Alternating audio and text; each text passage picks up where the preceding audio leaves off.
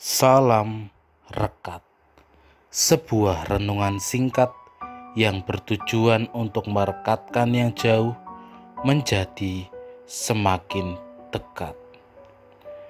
Rekat dari Senin 14 Juni 2021 diberi judul Menyimpang dari Kehendak Tuhan. Rekat hari ini diladasi firman Tuhan dari kitab Mazmur pasal 53.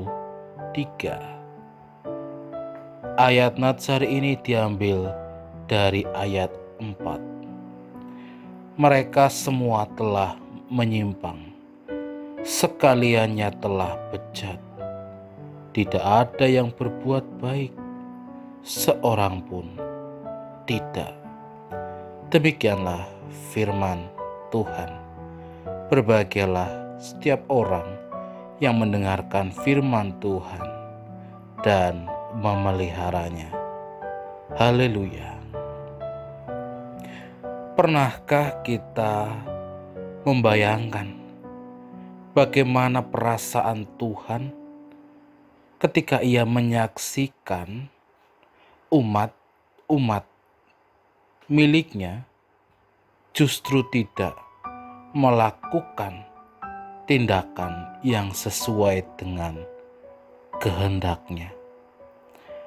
Pemasmur dalam Mazmur 53 menggambarkan kepada kita semua bagaimana manusia pada waktu itu tidak bisa merasakan bagaimana melakukan tindakan yang sesuai dengan kehendak Tuhan. Manusia pada waktu itu justru dengan tega melakukan tindakan-tindakan yang tidak disenangi Tuhan, yaitu melakukan kejahatan kepada sesama manusia serta menindasnya hingga merasakan penderitaan yang luar biasa. Seluruh tindakan itu menggambarkan bagaimana manusia yang sudah tidak ingat lagi dengan nama Tuhan.